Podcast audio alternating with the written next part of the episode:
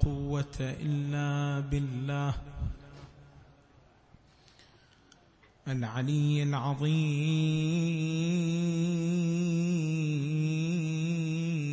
صلى الله وسلم عليك. سيدي ومولاي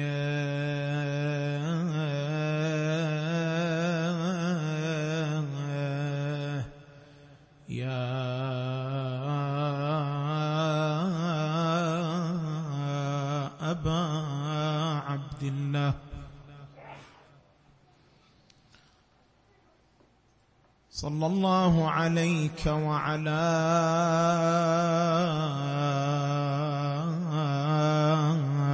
جدك وأبيك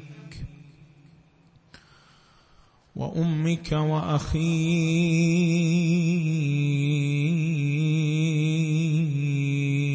والتسعة المعصومين بنيك يا ليتنا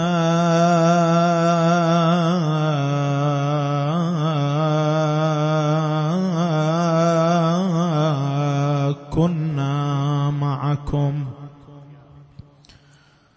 فنفوز.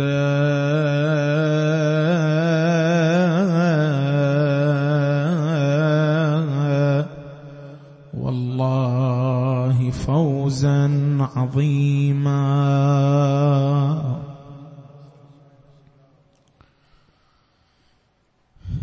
عرجابي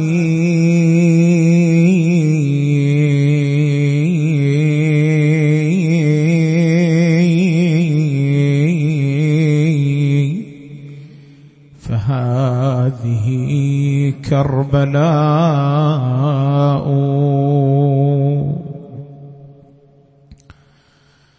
أبكي فيها.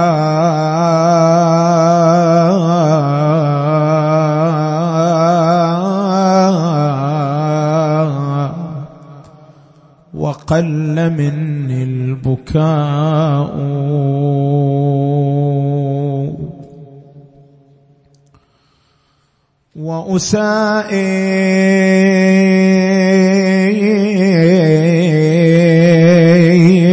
وأسائل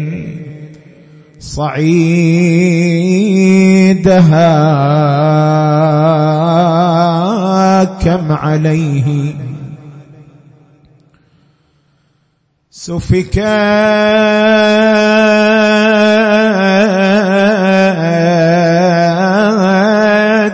من بني علي. دماء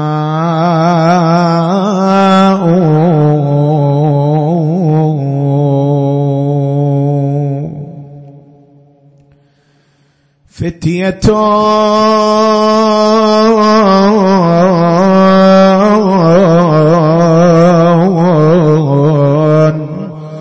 أصبح النبي مصابا بهم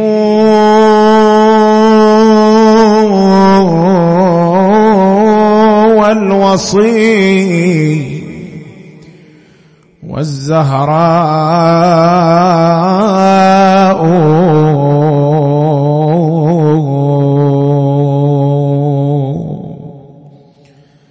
حلؤوهم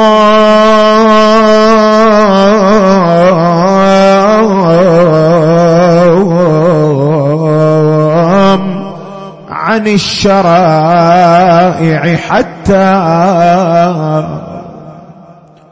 منعوهم من شرب الماء. حلؤوهم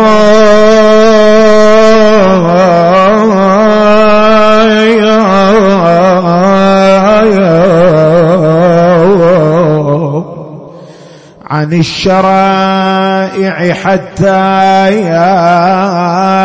أوردتهم ورودها. كربلاء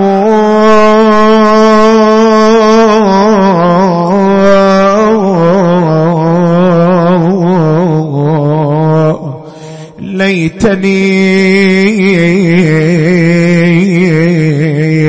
فزت بالشهادة فيها. حين نال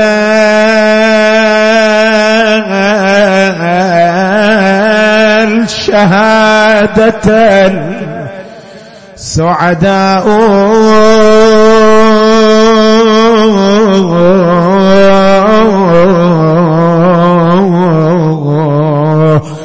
إذ ينادي الحسين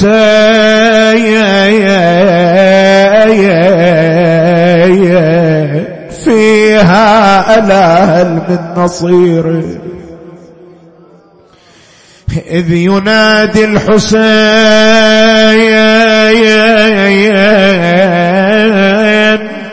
فيها ألا هل من نصير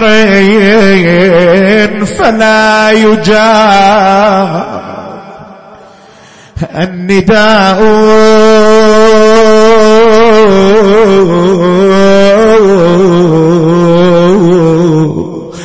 ظل يناديهم يا فرساني تركتوني وحيد.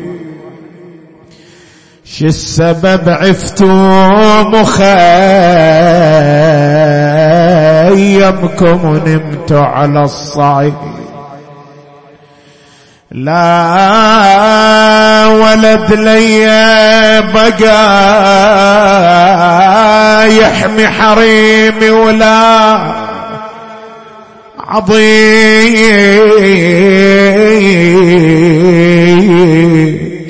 وبن سعد بعدي يسر هالحراير نيته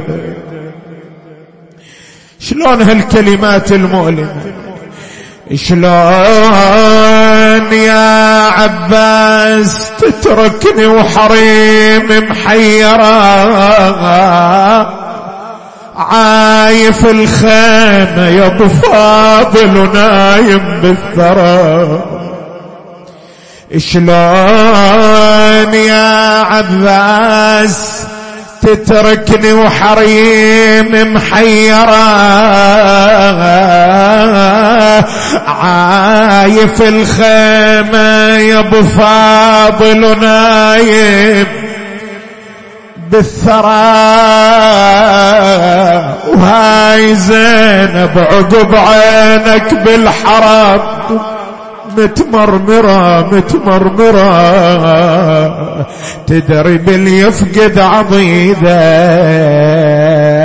تقل خويا حيلته وعاين الجاسم كفوفه مخضبة ودمه يسيح. وانحنى فوقه يشمه والقلب منه جريح وصاح يا ابن الحسن ساعة مع الرسل ساعة ذبيح على مصابك جبهة سكن العزيزة شقته. اسمع اسمع ومن نظر لأكبر علي ووصال كلها مقطعة نسى الجاسم والعضيد اللي بجنب المشرعة. وانحنى فوقه وغسل طبرة الراس بمدمعة. وجذب حسرة على الولد والحزن ذوب مهجته إنا لله وإنا إليه راجعون.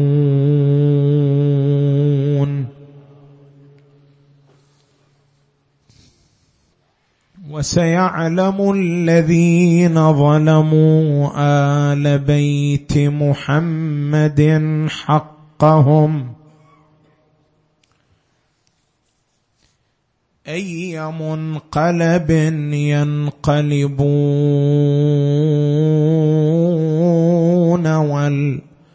والعاقبة للمتقين.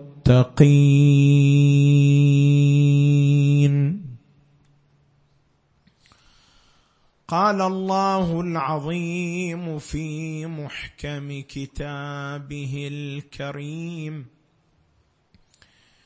بسم الله الرحمن الرحيم. قل لا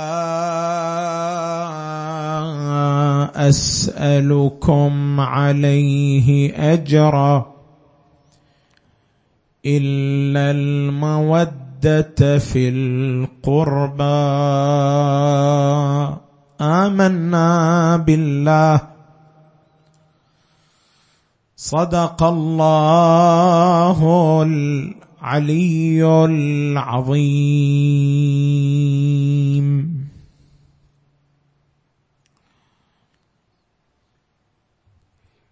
المفرده السادسة من المفردات التي اشتملت عليها آية المودة. هي مفردة المودة. قل لا أسألكم عليه أجرا. إلا المودة. تحدثنا عن المفردات الخمس وانتهى بنا الكلام إلى هذه المفرده مفردة المودة. ومفردة المودة عندما نريد أن نتحدث عنها فهنالك جهتان مرتبطتان بها. الجهة الأولى هي جهة الهيئة والجهة الثانية هي جهة الماده شلون يعني جهة الهيئة وجهة الماده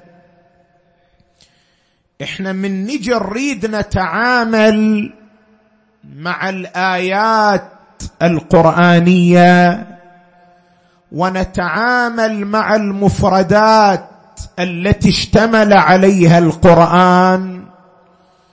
دائما كل مفرد من مفردات القرآن لها جانبان. جانب الهيئة وجانب المادة وينبغي أن ينظر للمفرد من الجهتين معا. شلون يعني جانب الهيئة وجانب المادة؟ لما نقول مادة وهيئة ما هو مقصودنا من ذلك؟ مقصودنا من المادة الحروف الأساسية التي تتكون منها الكلمة. كل كلمة من الكلمات هنالك حروف أساسية تكونها تتشكل منها.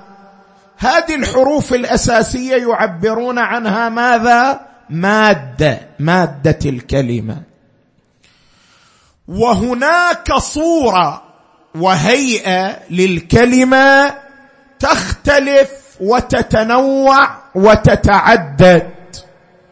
خل أوضح لك هذا بالمثال. يعني الآن أنت من تجي إلى كلمة ضرب. كلمة ضرب. هذه الكلمة أكو حروف أساسية تتكون منها وهي الضاد والراء والباء هالحروف الأساسية بما تحمله من معنى؟ يعبر عنا مادة الكلمة. وأكو صورة وهيئة للكلمة. شوف الهيئة والصورة شلون تتشكل. تارة تقول ضرب. تارة تقول يضرب. تارة تقول ضارب. تارة تقول مضروب. هنا المادة موجودة في جميع ماذا؟ هذه الكلمات. شو اللي تغير؟ الذي تغير الهيئة الصورة. ضرب كان على صورة فعل الماضي تقول يضرب صار على صورة فعل المضارع. ضارب على صيغة اسم الفاعل الذي يصدر منه الضرب.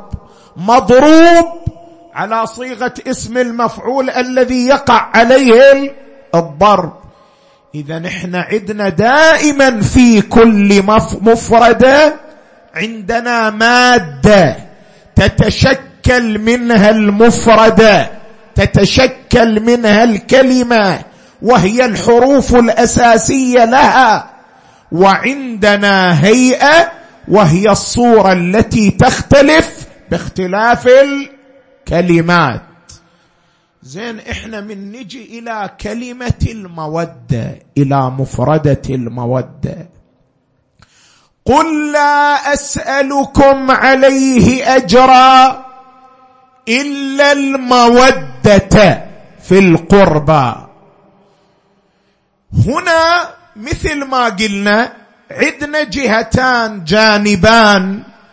جانب المادة يعني الحروف الأساسية التي تتشكل منها كلمة المودة.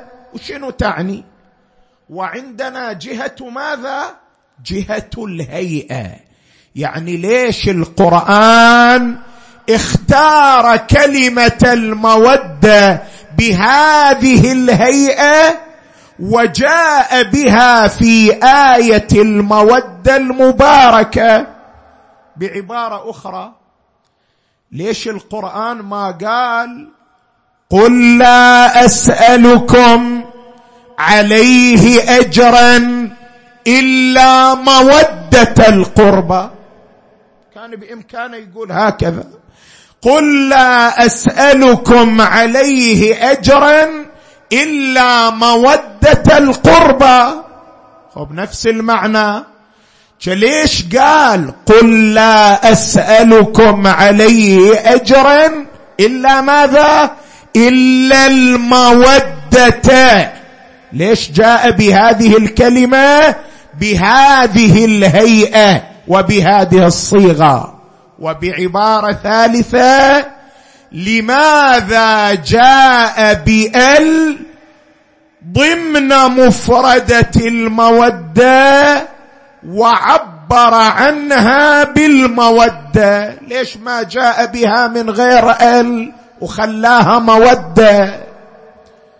لأنه يرمي إلى دلاله دقيقة ومعاني عميقة يريد أن يوصلها إلينا ولا يمكن وصولها. إلا بهذه الهيئة. شلون؟ حتى يتضح الكلام نقول بأن كلمة المودة اشتملت على ال المودة. زين هذه ال ماذا تعني؟ ال تأتي بمعاني متعددة لكن المعنى المرتبط بما نحن فيه معنيان. المعنى الأول ال الاستغراق والمعنى الثاني ال الحقيقة. شنو الفرق بين ال الاستغراق وبين ال الحقيقة؟ شوف ال الاستغراق هي التي يراد من خلالها إثبات الحكم لجميع أفراد الموضوع. إثبات الحكم لجميع مصاديق الموضوع. يراد بها الشمول يراد بها الاستغراق. شلون؟ خل أوضح لك هذا بالمثال. أنت من تقرأ القرآن الكريم. القران الكريم تقرأ به هذه الآية. وخلق الإنسان ضعيفا. الآية ما قالت وخلق إنسان ضعيفا. الآية قالت شنو؟ وخلق الإنسان. جاءت بأل. وخلق الإنسان. هذه شو يسموها أل؟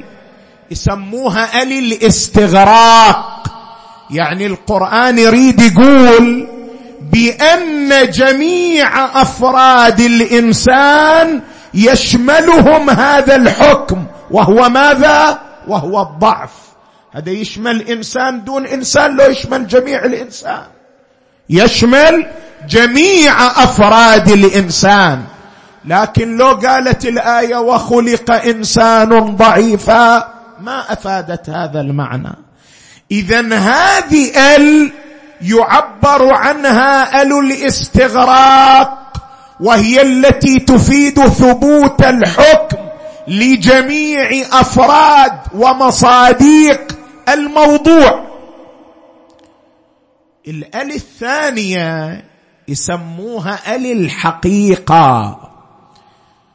وهي التي تريد إثبات الحكم للموضوع بغض النظر عن أفراده بغض النظر عن مصاديقه. مثل شنو؟ شوف مثلا أنت من تقول الذهب أثمن من الفضة. الذهب أثمن من الفضة. هذه ال ال الذهب. تريد منها الاستغراق لكل الأفراد؟ لا. لأن بعض أفراد الذهب مو أثمن من بعض أفراد الفضة. أنت لو عندك غرام ذهب هذا ما يعادل مثلا كيلو من الفضة. كيلو من الفضة ماذا؟ أثمن منه اذا أنت من تقول الذهب أثمن من الفضة؟ لا تريد إثبات الحكم لجميع أفراد الموضوع. وإنما تريد ماذا؟ أن تبين حكما لهذا الموضوع ولحقيقته ولماهيته بغض النظر عن أفراده ومصاديقه. هذا حتى بالقرآن موجود. وجعلنا من الماء كل شيء حي. وجعلنا من الماء. الجابها وخلاها ويا الماء. ما قال وجعلنا من ماء. قال وجعلنا من الماء. لكن هذه الأل ما يراد بها الاستغراق. لأن مو كل فرد من أفراد الماء جعل منه كل شيء حي. وإنما هذا الحكم ثابت لحقيقة الماء لماهية الماء. هذه سموها ال الحقيقة اذا آل من تدخل على الكلمات في القرآن وغير القرآن لو يراد بها ال الاستغراق اللي تثبت الحكم لجميع الأفراد والمصاديق لو يراد بها ال الحقيقة اللي تثبت الحكم للحقيقة والماهية بغض النظر عن الأفراد والمصاديق. اذا القسمان زين نجي إلى الآية. قل لا أسألكم عليه أجرا إلا المودة.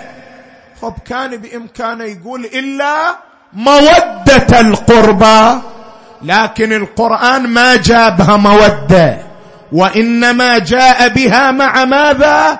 مع ال إلا المودة. يجي السؤال هذه الال هل هي ال الاستغراق أم أن هذه الال هي ال؟ حقيقة. يعني القرآن شو يريد يقول؟ يريد يقول قل لا أسألكم عليه اجرا إلا المودة بجميع أفرادها ومصادقها. يريد يستغرق؟ لو القرآن يريد جاي يبين حكم هذه الحقيقة بغض النظر عن أفرادها. إحنا نقول هذه اللام هي لام الاستغراق. هذه الأل هي أل الاستغراق. ليش نقول أل الاستغراق؟ التفت لي ليش نقول أل الاستغراق؟ ولماذا القرآن جاء بأل الاستغراق؟ يعني عندنا مطلبان. ليش أن أل هذه هي أل الاستغراق؟ ثم لماذا القرآن جاء بال الاستغراق؟ اولا ليش هذه أل هي ال الاستغراق؟ لأن ال الاستغراق لها علامتان. متى ما توفرت فيها علم أنها ال الاستغراق. شنو هالعلامتان؟ العلامة الأولى أنك تستطيع أن تستبدلها بكلمة كل. الآن روح إلى الآية اللي استشهدنا بها. وخلق الإنسان ضعيفا. شيل ال من الإنسان وخلي كل مكانها. وتصير العبارة صحيحة لو مو صحيحة. صحيحة. وخلق كل إنسان شنو؟ ضعيفه عبارة صحيحة لو مو صحيحة؟ صحيحة. فيعلم أن ال هي ال الاستغراق. اذا ال الاستغراق علامتها إمكان حلول كلمة كل محلها. هذا واحد. العلامة الثانية ال الاستغراق يمكن لحوق أداة الاستثناء لها. لأن هي بعد استغرقت ماذا؟ جميع الأفراد. فحينئذ يصح الإتيان بالاستثناء. هذا وين؟ بالقرآن. بسم الله الرحمن الرحيم. والعصر إن ال شنو؟ الإنسان الإنسان مو إن إنسانا. إن الإنسان لفي خسر. لكن أكو استثناء لو ما أكو. إلا الذين آمنوا وعملوا الصالحات وتواصوا بالحق وتواصوا بالصبر. هذه ال شنو هي؟ هي ال الاستغراق. إن الإنسان لفي خسر. يعني أن جميع أفراد الإنسان على نحو الشمول والاستيعاب والاستغراق لفي خسر. إلا الذين آمنوا بولاية محمد وآل محمد وتواصوا بها يعني أوصى بعضهم بعضا بها وتواصوا بالصبر يعني أوصل بعضهم بعضا بالصبر على البلاء في محبة محمد وآل محمد.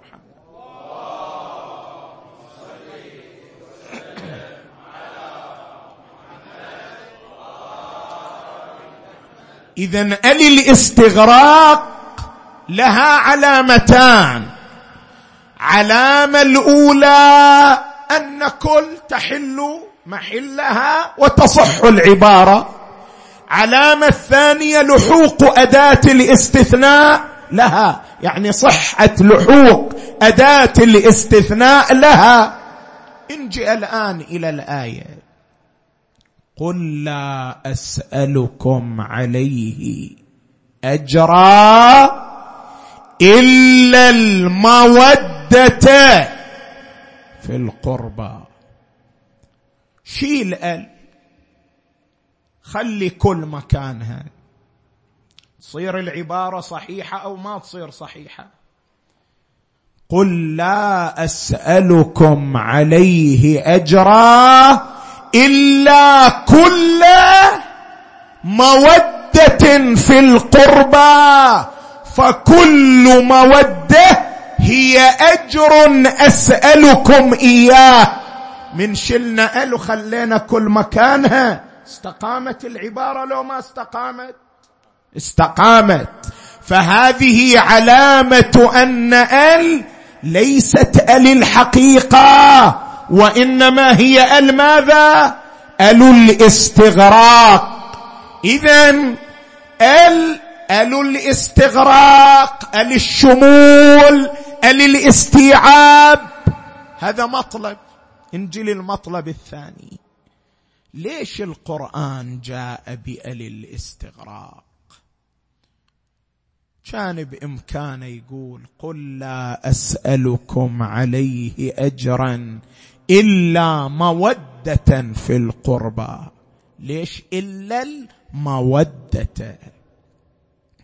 يريد أن يقول بأن ما يسأله الله سبحانه وتعالى على لسان نبيه الأعظم صلى الله عليه وآله ليس فردا من أفراد المودة. وليس مصداقا من مصاديق المودة بل إن أجر الرسالة هو جميع ماذا؟ جميع أفراد ومصاديق المودة. النبي صلى الله عليه وآله أجر رسالته مو مصداق من مصاديق المودة لا كل مصاديقها. شلون؟ الآن زيارة مراقد المعصومين. هذا مصداق من مصاديق مودتهم. محبتهم. مصداق ثاني من مصاديق مودتهم. أخذ العلم والمعارف عنهم. مصداق ثالث من مصاديق مودتهم. الحضور في مجالسهم. مصداق رابع من مصاديق مودتهم. الفرح لفرحهم. مصداق خامس. الحزن لحزنهم. مصداق سادس. وهكذا إنزين من يجي النبي صلى الله عليه وآله ويطلب منك مودة أهل البيت يطلبها منك بأي مصداق؟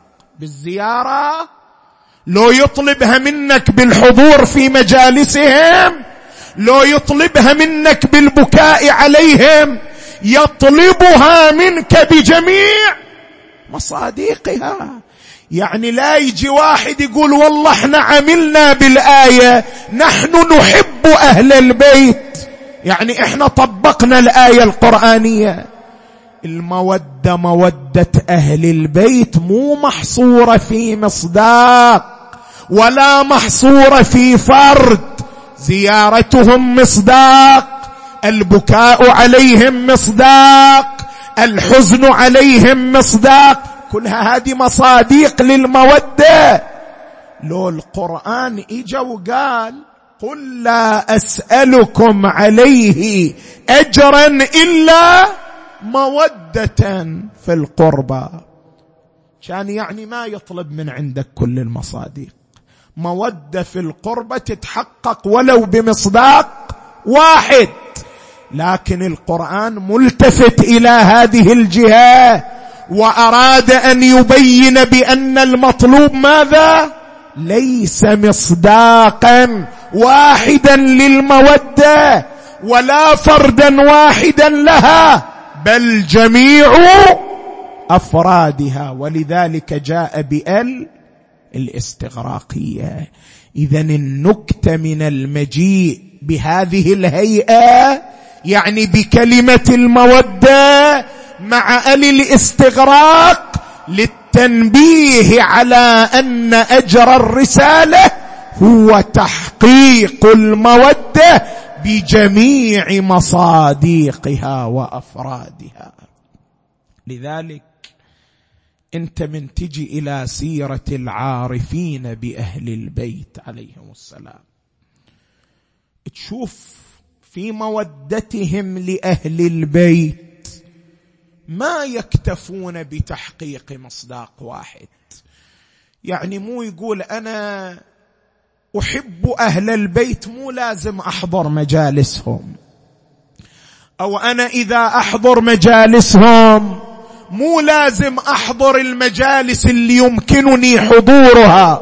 خل أحضر مجلس وانتهى الموضوع. أو أو أو يقصد في مودة أهل البيت. العارفون بأهل البيت مو هكذا تعاملوا مع مودتهم. تعاملوا مع مودتهم من خلال تحقيق جميع مصاديقها المتيسرة لهم. وفي الطليعة سيدتنا ومولاتنا أم البنين عليها السلام. هذا مظهر واضح مصداق جلي. أم البنين شلون عبرت عن مودتها لأهل البيت؟ شلون عبرت عن عملها بآية المودة؟ شلون؟ قدمت أربعة من أولادها فداء للحسين ومودة للحسين. زين كان بإمكانها تجي فرد واحد مصداق واحد.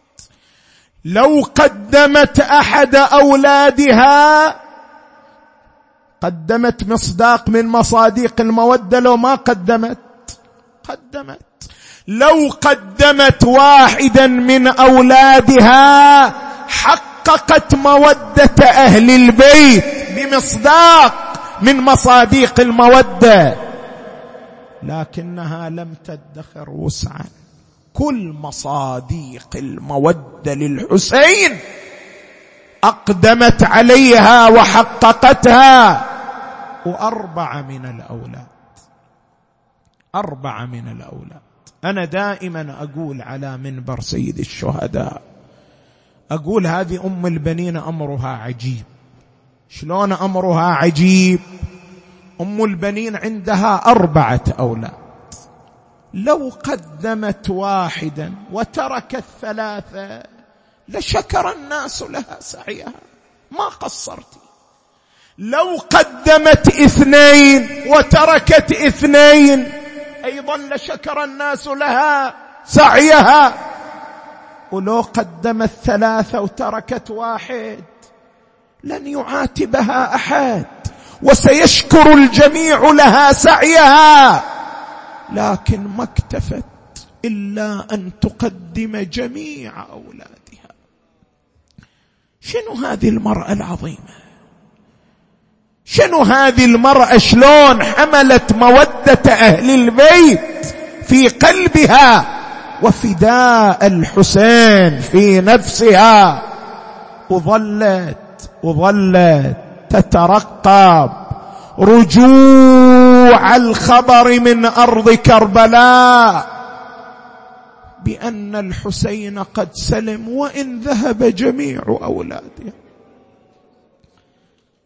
كل قلقها وكل همها أن يصيب الحسين مكروه. لذلك من اجى الناعي إلى أرض المدينة. وصار ينعى الحسين. وأم البنين سمعت الناعي طلعت. قالت أيها الناعي من تنعى؟ من تنعى؟ هذا التفت. قال هاي ليش تسأل هذا السؤال؟ هذا السؤال. مو أنا قاعد أنعى الحسين. وهي تسألني من تنعى؟ سأل سأل هذه من تكون؟ اللي تسأل هذا السؤال. قيل له هذه أم البنين. قال الآن فهمت فهمت لماذا تسأل. معذورة فاقدة أربعة من الأولاد فقال لها يا أم البنين عظم الله لك الأجر. في أولادك وصار يعدد عليها أولادها. وهي تقول ما سألتك عن أولادي. أخبرني عن حبيبي الحسين. أولادي فداء لأبي عبد الله. إن شاء الله الحسين سالم. ولو ذهب جميع أولادي. وصار يعدد عليها الواحد تلو الآخر. إلى أن قال عظم الله لك الأجر في ولدك أبي الفضل العباس فلقد فضخوا راسه وقطعوا كفيه هنا أم البنين ما تحملت بأبي وأمي. تقول الرواية أكو طفل على كتفها انهدل كتفها سقط الطفل من عليها. قالت يا بشر قطعت انياط قلبي ما سألتك عن أولادي أخبرني عن حبيبي الحسين. قال اذا اذا خذي حجرين واضربي على رأسك فلقد قتل الحسين فصرخت وولداه وحسينا. الملفت الملفت أن أم البنين قد انهارت وتأثرت لما سمعت بمقتل أبي الفضل هذا نفس نفس نفس تكرر قبل ذلك يوم كربلاء. الحسين كم واحد قتل من إخوانه؟ لكن متى انهار الحسين؟ لما قتل حامل لوائه أبو الفضل. هنا تضعضعت أركان أبي عبد الله. شي يقول حميد بن مسلم؟ يقول حميد بن مسلم كنا عند مصرع أبي الفار. فرأينا الحسين قد أقبل لكن شلون أقبل؟ يقول اقبل كالقوس المنحني. الله الله يا أبا عبد الله ماذا صنع بك العباس؟ اقبل كالقوس المنحني انحنى على شيء في الأرض أخذه قبله ثم انحنى على شيء آخر أخذه قبله.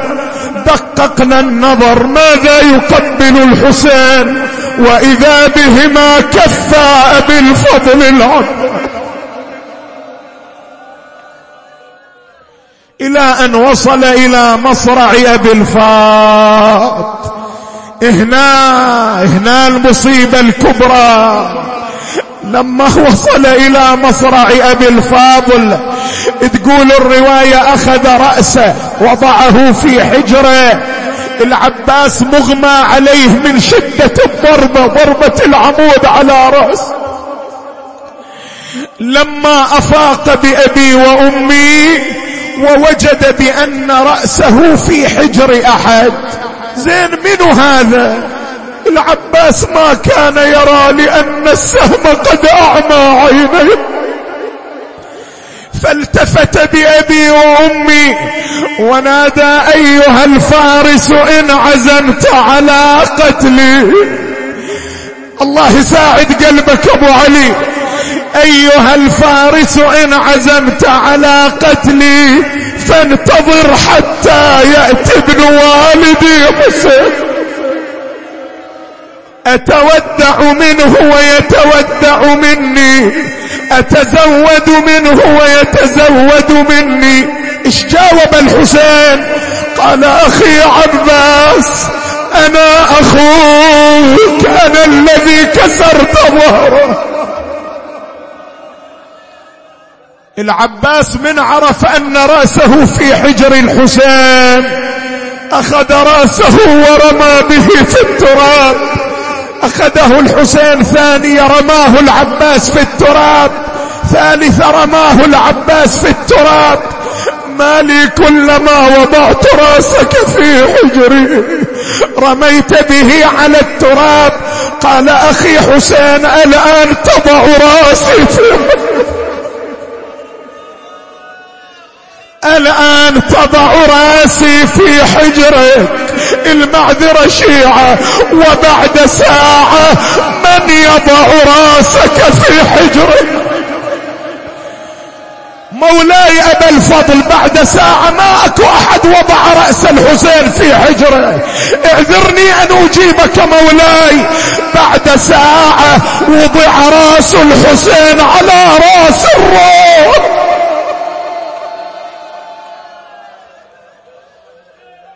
إيش مالك يا خويا شلت رأسك من وسط حيج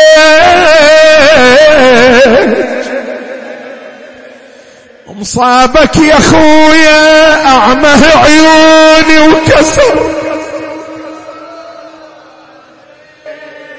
قال له يا خويا شلون أحط راسي بوسط حجرة؟ عذرني أقول وانت بعد ساعة الشمر يصعد.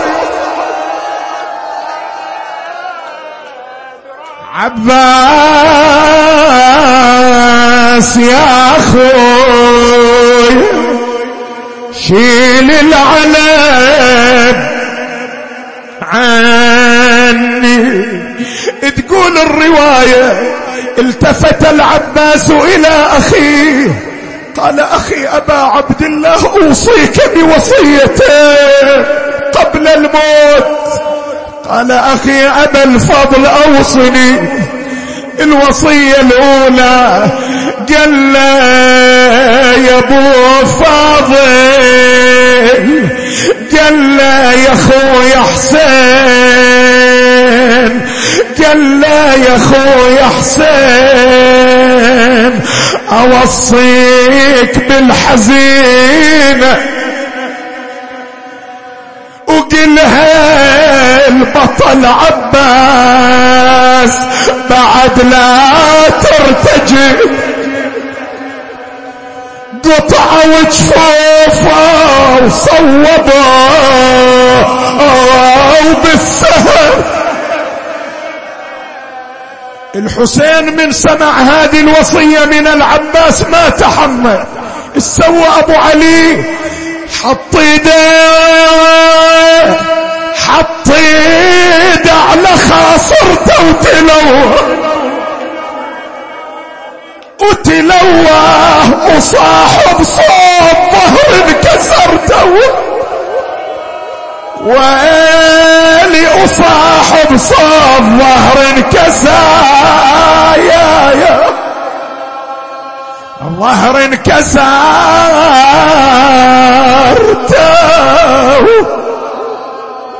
بعد الوصية الثانية أبخي أبا الفاضل.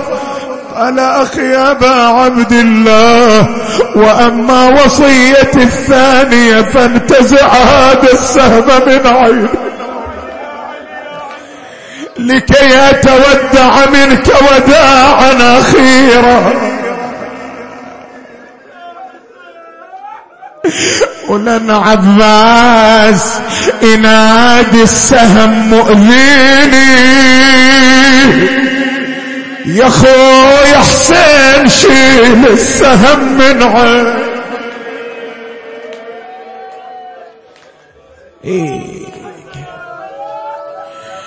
ولن عباس نادي السهم مؤذيني. يا خويا حسين شيل السهم. وقوم وشوف طاح وين. ودهم لليتامى والحرم يحسن.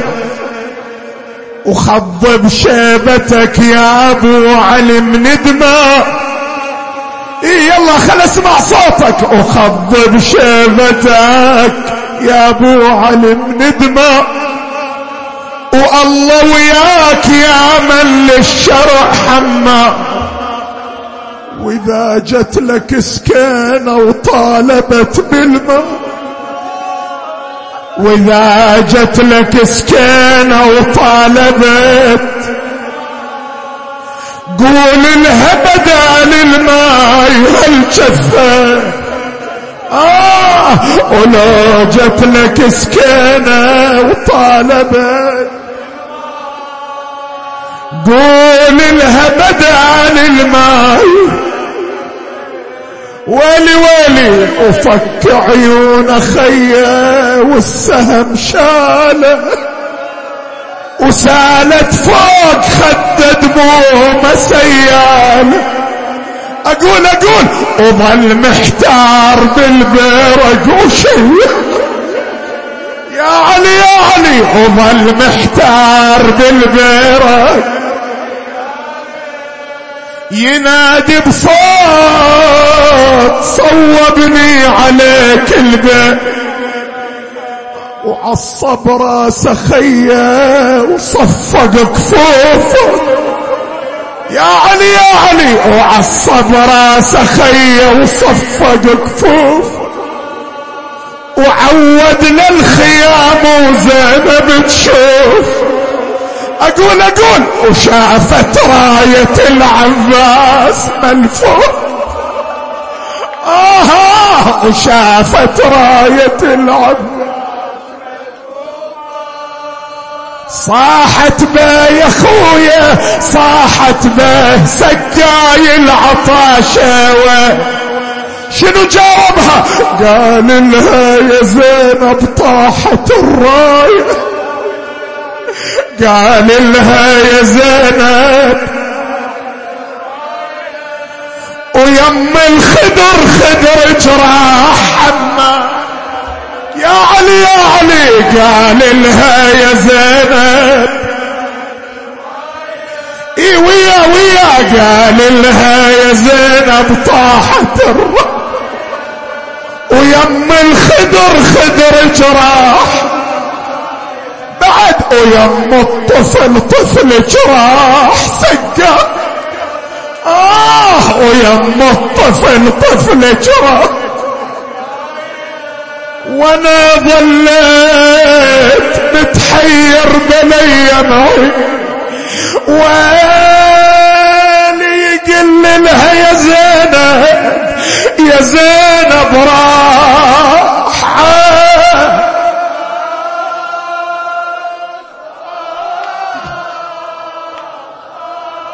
وراح الضاغم اللي يرفع الراس. إي والله وراح الضاغم اللي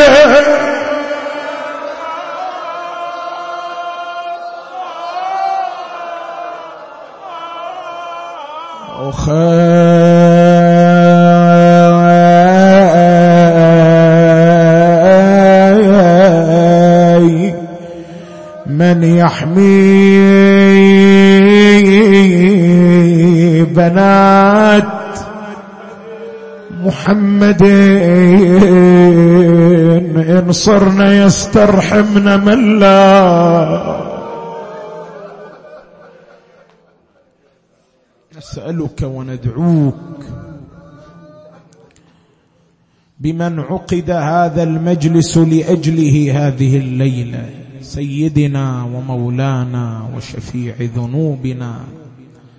أبي الفضل العباس. فرج عنا بحقه فرجا عاجلا قريبا كلمح البصر أو هو أقرب من ذلك. اللهم بحقه وبحق العترة المعصومين فرج هموم المهمومين. واقض حوائج المحتاجين. واشف مرضى المؤمنات والمؤمنين وفك الأسرى والمسجونين واحفظ مراجع الدين والعلماء العاملين وإلى موت العلماء الأعلام وموت المؤسسين وموت الحاضرين سيما من عقد هذا المجلس لأجله نهدي ثواب الفاتحة تسبقها الصلاة على محمد وآل محمد.